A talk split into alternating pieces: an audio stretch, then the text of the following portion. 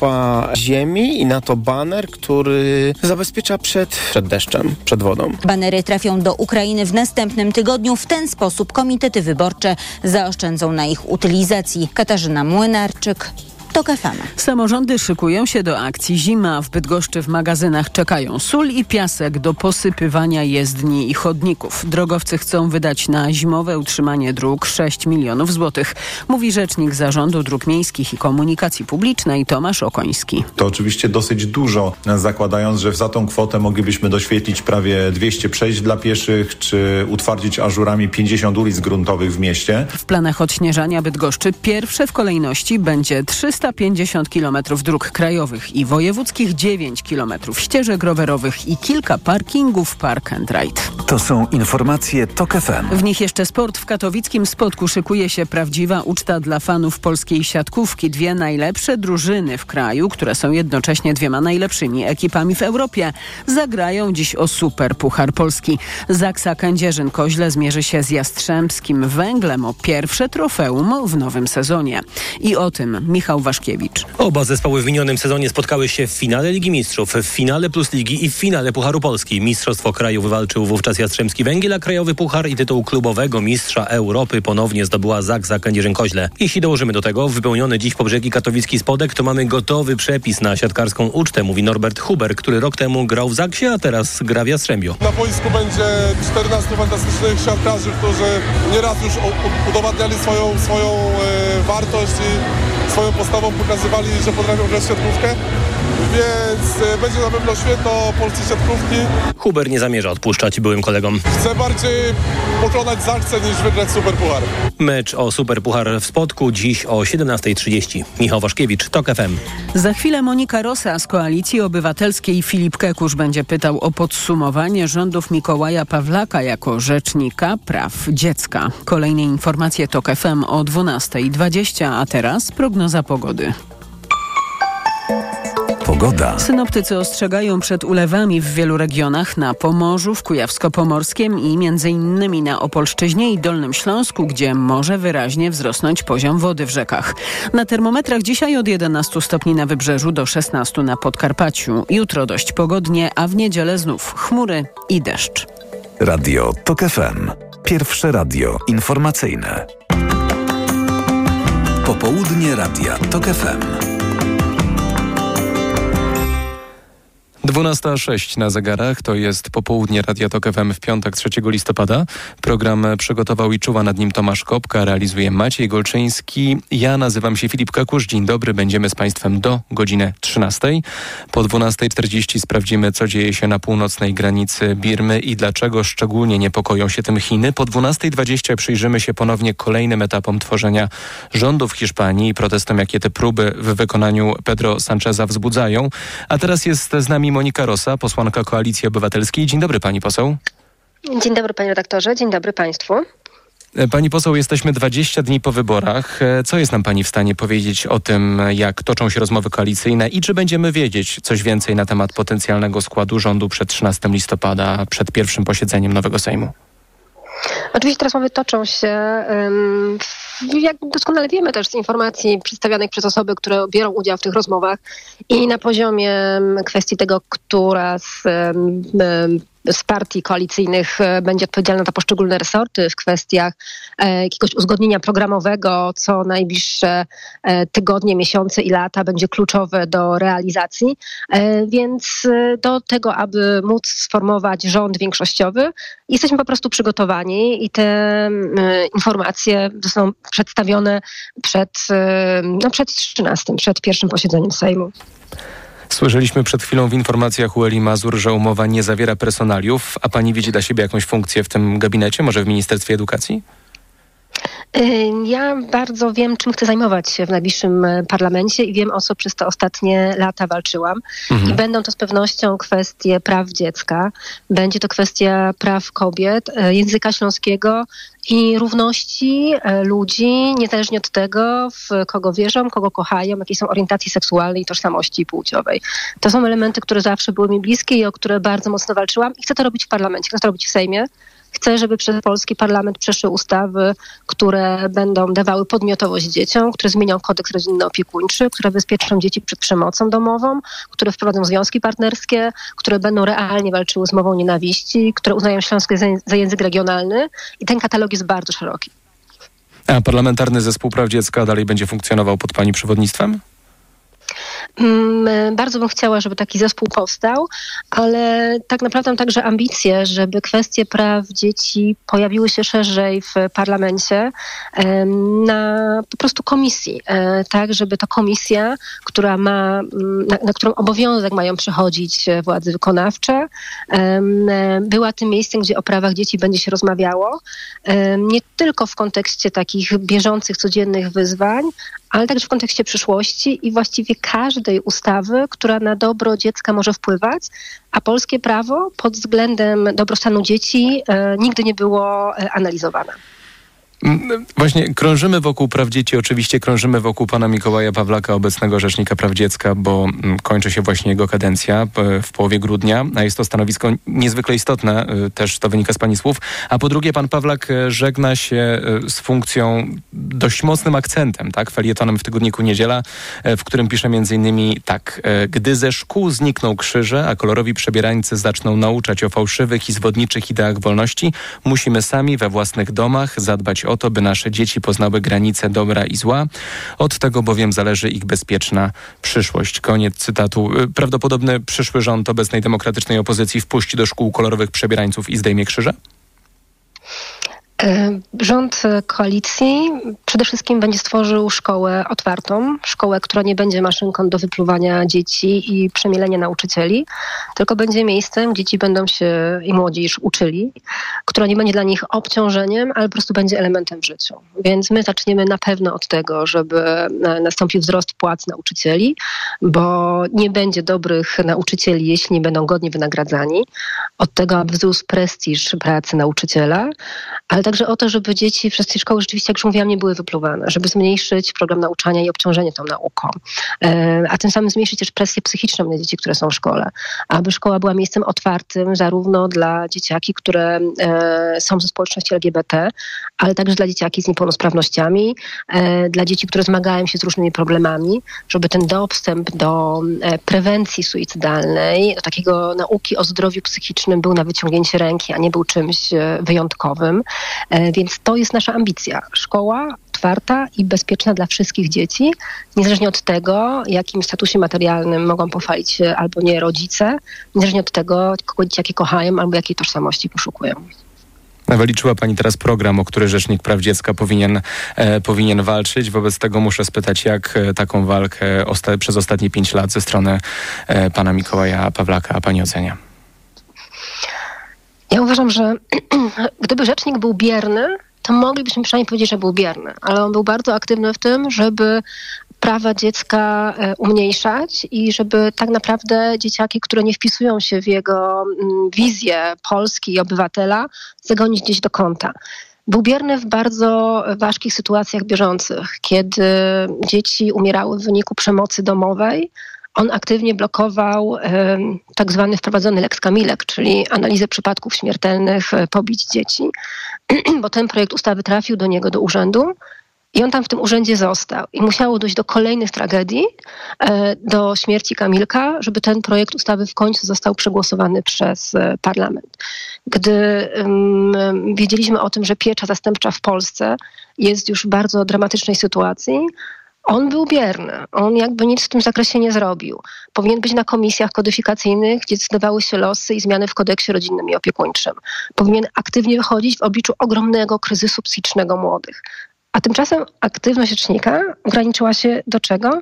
do tego, że protestował przeciwko tęczowym piątkom, do tego, że pisał swoje felietony, do tego, że promował swoją ideologię, e, do tego, że właśnie organizował kontrole w szkołach, które były, były otwarte. No więc e, naprawdę, jeśli mogę ocenić jego kadencję, to ja bardzo źle i bardzo się cieszę, że on z tej funkcji w końcu odejdzie. Cieszę się ja politycznie, bo wiem, że daje perspektywę do na powrót stworzenia dobrego Urzędu Praw Dziecka, ale przede wszystkim chyba cieszą się dzieciaki, młodzi ludzie, że nikt nie będzie więcej tego człowieka nazywał ich rzecznikiem. Ale z czego ta bierność e, Rzecznika Praw Dziecka wynikała? Bo już e, pomijając nawet, chociaż nie powinno się tego pomijać, te kwestie ideologicznej, pewnej segregacji dzieci, jakie następowały, ale są takie wątki, jak właśnie prewencja suicydalna, jak przemoc wobec najmłodszych, które wydaje mi się, że nie ma tu kontrowersji, że to są rzeczy, z którymi trzeba walczyć, a jak wynika zarówno z działań e, Rzecznika, jak wyrówna, wynika z pani słów, jak wynika z prób na przykład reportera TOK Michała Janczury, który również zajmował się e, tymi, tymi sprawami. Tutaj była zupełna blokada, jakby niechęć podejmowania, e, podejmowania w takich najbardziej oczywistych i potrzebnych, e, potrzebnych kwestiach interwencji. Dlaczego? Myślę, po prostu rzecznik Mikołaj Pawlak nie zrozumiał swojej funkcji. Nie zrozumiał, że e, dzieci nie są przedmiotem, ale są podmiotem e, i że po pierwsze swoją politykę wobec praw dziecka trzeba prowadzić razem z nimi i odpowiadać na te bieżące wyzwania, a po drugie wychodzić trochę do przodu. I e, nie wystarczy napisać jakiegoś oświadczenia i wysłać pisma do urzędu.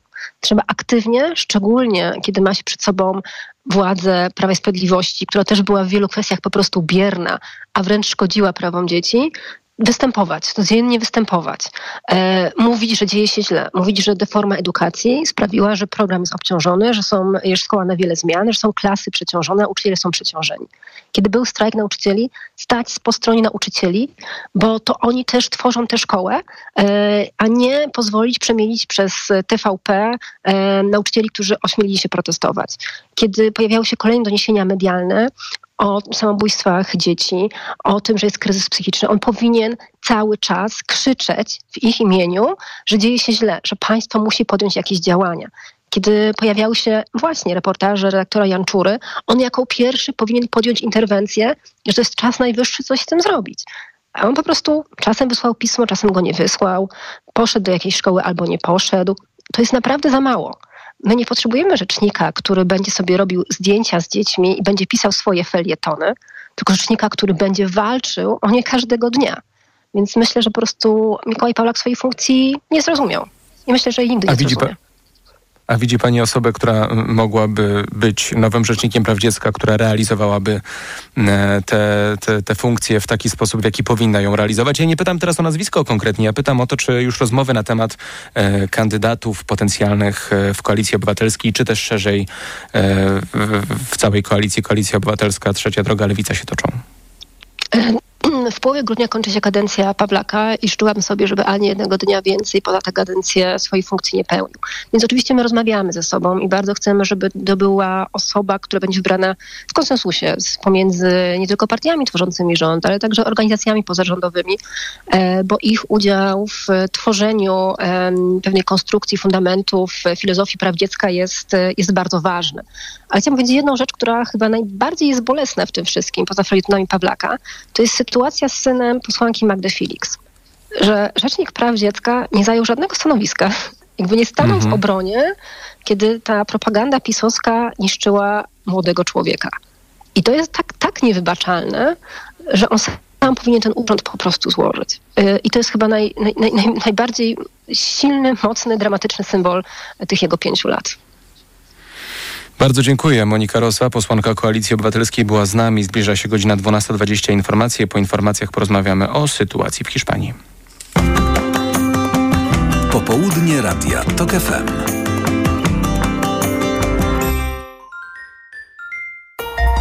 Od światowych rynków. O Twój portfel. Raport gospodarczy. Mówimy o pieniądzach. Twoich pieniądzach. Słuchaj od wtorku do piątku po 14.40.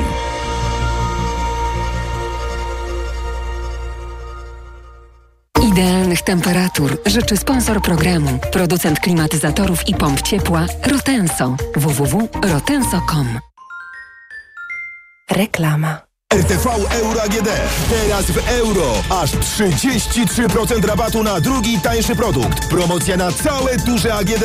Tylko do 8 listopada. Szczegóły i regulamin w sklepach euro i na euro.com.pl gdzie super sobotę mam? W Kauflandzie! Tę sobotę mleko wypasione 2%, 2,29 za litr z Kaufland Card. 6 na osobę, a wybrane ryby marynowane i wędzone oraz antipasti z lady od 25% taniej. Idę tam, gdzie wszystko mam. Kaufland. Podróże małe i duże. Północna czy południowa półkula tropiki i wieczne zmarzliny. Odkrywamy wszystko. Słuchaj w każdą niedzielę po 11.20.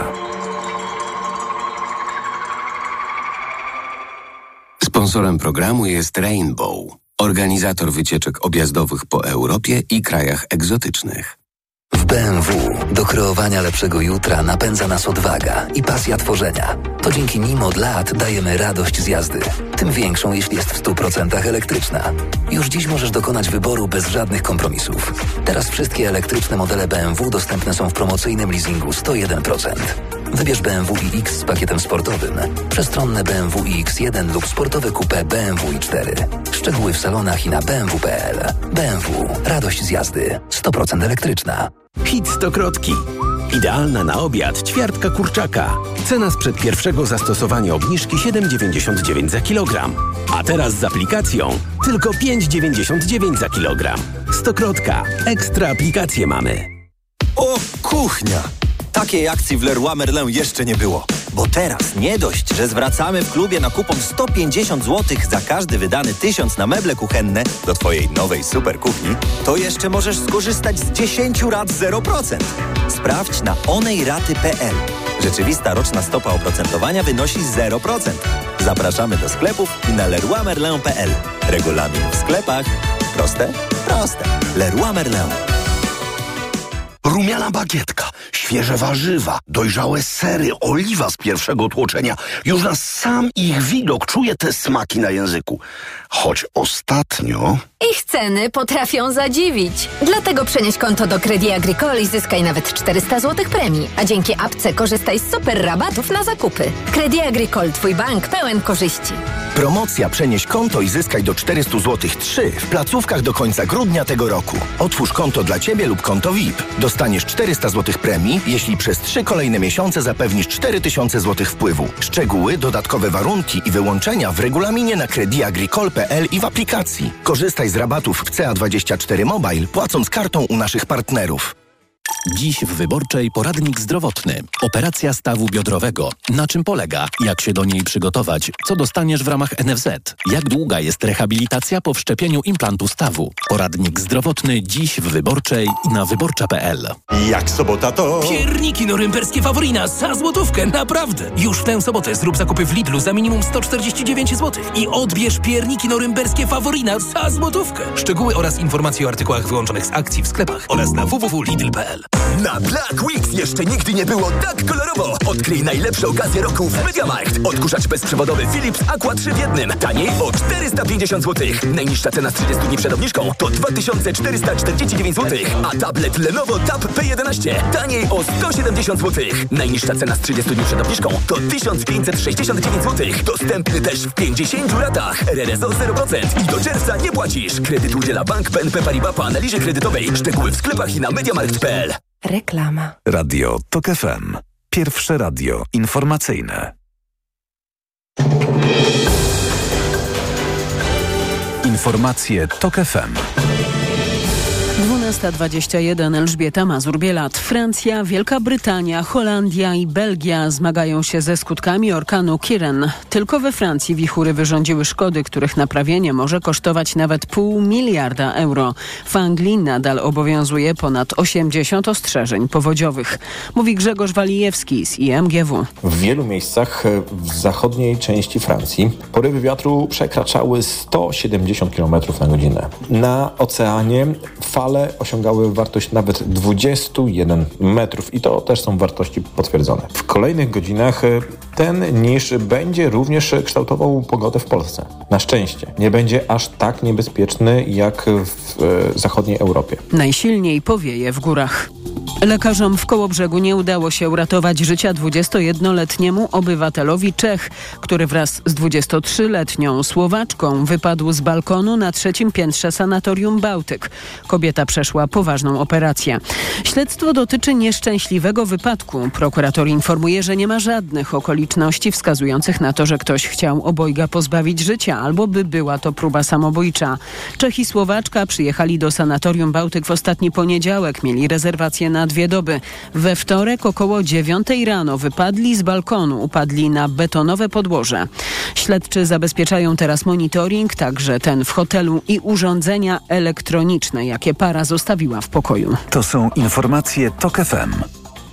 Katowickim Międzynarodowym Centrum Kongresowym przed południem rozpoczęły się targi książki w programie dziesiątki wydarzeń, spotkania ze znanymi autorami i stoiska blisko 250 wystawców.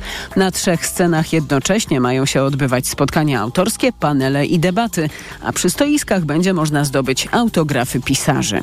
Współgospodarzem targów są w tym roku Katowice, gościem specjalnym Wolna Białoruś. Tylko do niedzieli można składać wnioski o zwrot wpłat za niezrealizowane wycieczki do Izraela, przypomina Ubezpieczeniowy Fundusz Gwarancyjny. Mogą to zrobić podróżni i przedsiębiorcy. Jeszcze ważna podpowiedź, zwrot pieniędzy będzie możliwa, gdy będzie możliwy ten zwrot pieniędzy, gdy podróżny i organizator wyjazdu złożą wnioski, które będą zawierały takie same dane dotyczące niezrealizowanej wycieczki. A szczegóły w tej sprawie są na stronie internetowej Turystycznego Funduszu Gwarancyjnego. Kolejne informacje TOK FM o 12.40. Pogoda. Synoptycy ostrzegają przed ulewami w kolejnych regionach. Dzisiaj w całej Polsce zresztą deszcz, a na termometrach od 11 stopni na wybrzeżu do 16 w Rzeszowie. Radio TOK FM. Pierwsze radio informacyjne. Popołudnie Radia TOK FM. 12.24. Filip Kakusz. Jest z nami profesor Małgorzata Myśliwiec, Instytut Nauk Politycznych Uniwersytetu Śląskiego. Dzień dobry pani profesor. Dzień dobry panie redaktorze, dzień dobry państwu. A będziemy rozmawiać o sytuacji w Hiszpanii, gdzie wydaje się coraz bliżej utworzenia nowego rządu, ale coraz więcej jest też sprzeciwu ze strony coraz to nowych grup społecznych wobec warunków, na jakich ten rząd miałby zostać utworzony. Dotychczasowy premier Pedro Sánchez i jego hiszpańska socjalistyczna partia robotnicza e, składają koalicję większościową. E, poparła ich lewicowa partia Sumar i teraz, w środę, władze republikańskiej lewicy Katalonii również ogłosiły poparcie dla Sancheza. No ale cena wydaje się wysoka, bo ta partia uzależnia poparcie y, dla rządu Sancheza od amnestii dla organizatorów referendum niepodległościowego w Katalonii w 2017 roku. I przeciwko temu porozumieniu w niedzielę protestowało w Madrycie ponad 100 tysięcy osób, a teraz sprzeciw zgłaszają organizacje reprezentujące sędziów i policjantów i twierdzą, że umowa, na którą zgodził się Sanchez, to jest pogwałcenie konstytucji. Co na to prawdopodobny przyszły premier? To może do tej skomplikowanej układanki dodajmy jeszcze jeden element. Pan redaktor wspomniał tutaj o Bardzo partii chętnie. Sumar. Wspomniał pan redaktor o katalońskiej lewicy republikańskiej, czyli rzeczywiście dość e, wiekowym już ugrupowaniu liczącym około 100 lat, które e, popiera niepodległość tego regionu. Natomiast i rzeczywiście w środę ogłosili, że popierają e, rząd Pedro Sancheza, że, że takiego wsparcia podczas głosowania mu udzielą. Natomiast do tej układanki należy dodać jeszcze partię Junts, to jest też partia katalońska, reprezentowana przez byłego premiera regionu, czyli Carlesa Puigdemonta, który ogłosił niepodległość Katalonii w 2017 roku, później ją zawiesił, a ostatecznie uciekł do Brukseli, no i w chwili obecnej pełni tam funkcję eurodeputowanego i to właśnie partia Junts i Carles Puigdemont y, tworzą największe napięcie. W czwartek wydawało się już, że po deklaracji katalońskiej lewicy republikańskiej wszystko będzie jasne i pójdzie w miarę gładko. Rzeczywiście miała zostać zarejestrowana ustawa o amnestii, na którą zgodził się rząd Pedro Sancheza. Natomiast w czwartek partia Junts postawiła nowe warunki, stwierdziła, że te warunki określone w projekcie ustawy ustawy są dla nich niewystarczające, chcą dalszych negocjacji, no a czas ucieka. Rzeczywiście to wszystko dzieje się w bardzo specyficznym momencie hiszpańskiej historii mianowicie dzień przed wszystkimi świętymi, 31 października, 18 urodziny obchodziła księżniczka Eleonora, która złożyła przysięgę na wierność konstytucji i została ogłoszona regentką Hiszpanii. Od tej pory, gdyby cokolwiek wydarzyło się w życiu króla Filipa VI i nie mógłby sprawować władzy, Eleonora może zostać w sposób prawny jego następczynią. Już to wydarzenie po pierwsze, no na pewno przyćmiło troszeczkę negocjacje rządowe z, z zepchnęło je na dalszy plan ze względu na swój spektakularny charakter. Pamiętajmy, że taką uroczystość Hiszpania widziała w roku 86 po raz ostatni, kiedy to Filip VI przysięgał na wierność konstytucji. Po drugie, już pokazał brak jedności mm, w obozie lewicy z bardzo prostego względu. Księżniczce towarzyszył Pedro Sanchez jako szef rządu, nie jako z urzędu. Mm, natomiast y, nowy, spodziewany koalicjant partia Sumar nie pojawiła się na uroczystości, więc to już był pierwszy zgrzyt pokazujący, że jednak ta rozbieżność wartości w potencjalnie nowym, no, nowej koalicji rządowej e, po prostu jest nastawiona na szwank. No i oczywiście nie pojawili się przedstawiciele partii regionalnych ani z Katalonii, ani z kraju Basków co dodatkowo pokazuje, tak jak bardzo będzie to skomplikowany układ, jeżeli rzeczywiście dojdzie do jego y, formalizacji. Rzeczywiście czekamy w tej chwili na ostateczną decyzję Carlesa Puigdemonda. Y, już ta, dlaczego w ogóle o tej uroczystości związanej z księżniczką Eleonorą wspomina? Nie tylko ze względu na to, że y, właśnie pokazuje, jak, jak trudno się jest dogadać w obozie lewicy, y, ale także już podczas tej uroczystości y, wiele takich głosów wręcz idących z tłumu, z ulicy, no to to jednak było wydarzenie, które przyciągnęło e, bardzo wielu obserwatorów, e, także wśród zwykłych mieszkańców stolicy Hiszpanii spowodowało y, bardzo takie negatywne nastawienie do premiera Sancheza w związku z tym, że negocjuje w ogóle z tymi, którzy hiszpańską konstytucję pogwałcili i stawianie kolejnych żądań przez y, Carlesa Puigdemonda Pedro Sanchezowi, y, no jak pan redaktor wspomniał, spotyka się także z bardzo poważnym sprzeciwem bardzo istotnych korporacji zawodowych w Hiszpanii. Jeżeli mówimy o policjantach czy o sędziach, to są rzeczywiście zawody cieszące się ogromnym prestiżem prestiżem i są to zawody stojące na straży hiszpańskiego e, prawa. W związku z tym e, no, myślę, że jest to moment naprawdę bardzo trudny dla e, premiera hiszpańskiej partii socjalistycznej. Bardzo chciałbym o księżniczce Eleonorze porozmawiać, ale jednak Carles Puigdemont nam chyba ją odrobinę przyćmił, więc trochę zastanawiam się, jak tak pani profesor mówi o tym, co robi Carles Puigdemont oraz pamiętając to, co robił w 2017 roku, to czy kiedy do, do tej umowy ewentualnie dojdzie, mimo sprzeciwu różnych grup społecznych czy zawodowych, sędziowie, policjanci, e, to czy, to czy to będzie skórka warta wyprawki? To znaczy, czy Puigdemont i jego partia będą rzeczywiście y, koalicjantami, na których można polegać, czy za kilka miesięcy to się i tak rozpadnie i znowu będziemy mieli chaos? Po pierwsze zobaczymy, jak będzie wyglądało głosowanie w parlamencie. Pamiętajmy o tym, że e, tradycją hiszpańskiego systemu politycznego są rządy mniejszościowe.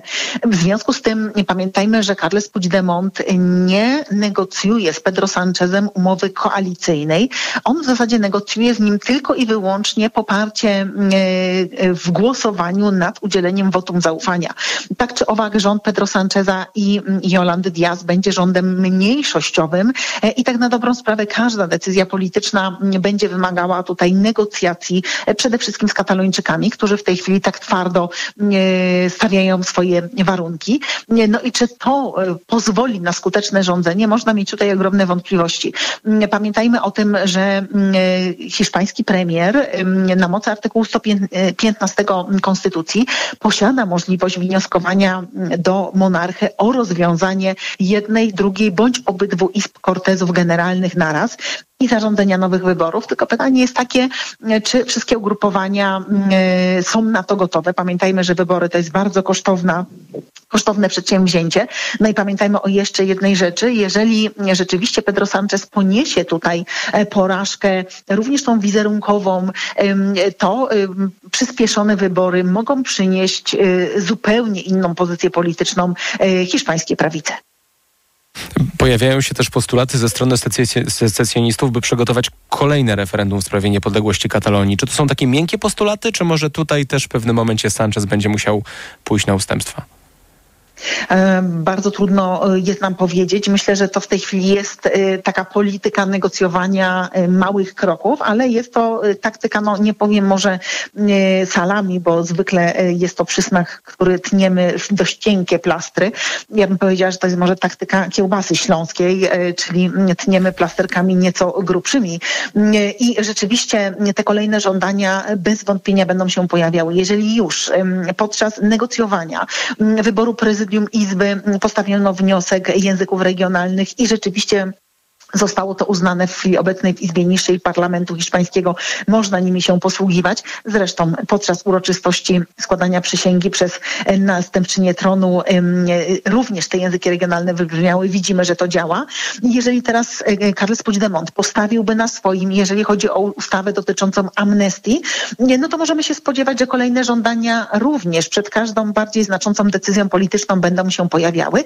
I wcale nie wykluczam, że może to być ta najbardziej znacząca dla Katalończyków, czyli żądanie przeprowadzenia legalnego i kolejnego referendum niepodległościowego. Na horyzoncie mamy kryzys polityczny, kryzys społeczny i wydaje się, że kryzys międzynarodowy, bo chyba Unia Europejska nie przyklasnęłaby temu referendum.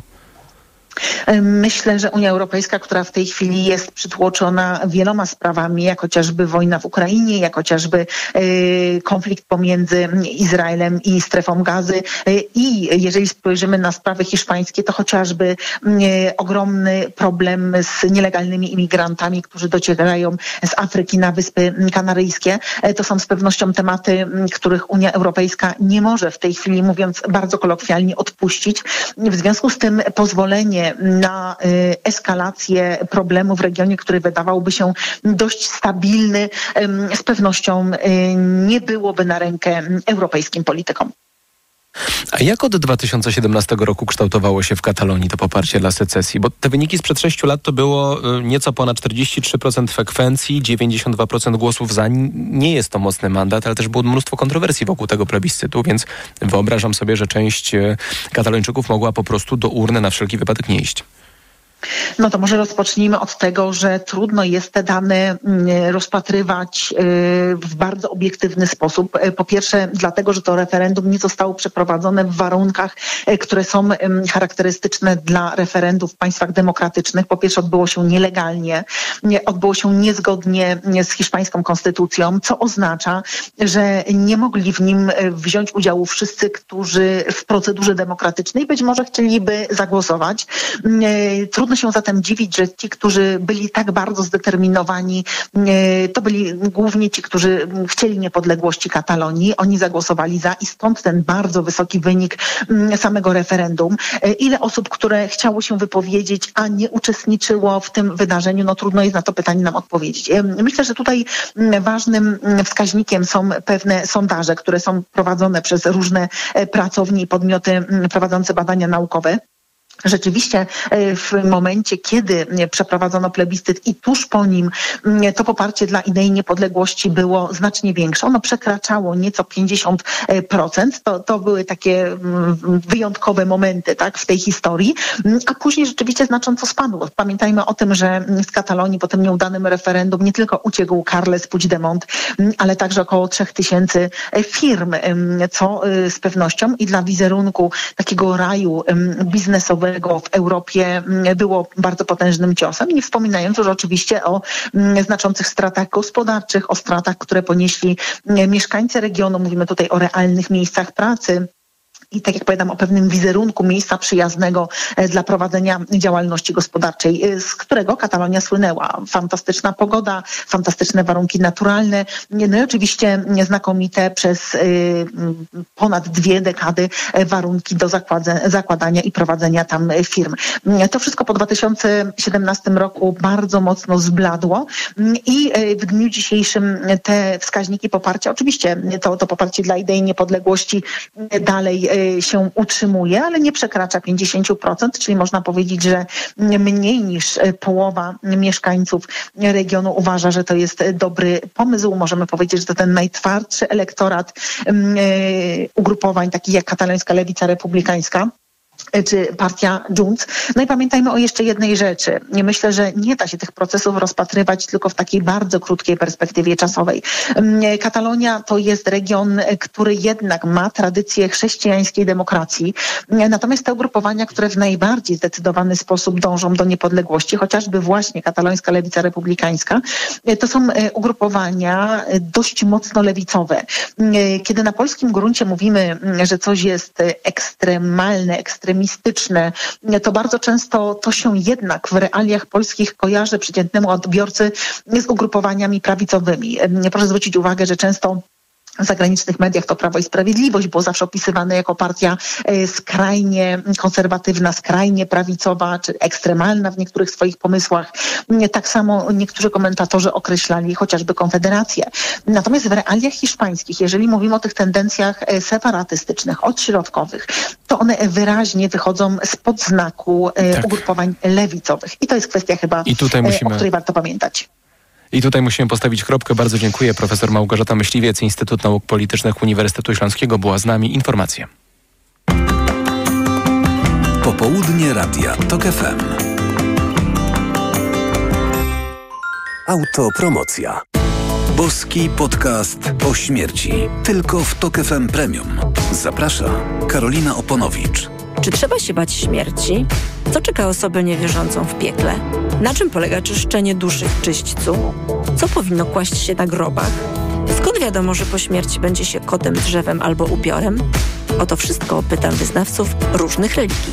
Boski podcast o śmierci. Tylko w Tok FM Premium. Wszystkie odcinki tego podcastu znajdziesz na tokefm.pl oraz w aplikacji mobilnej Tok FM.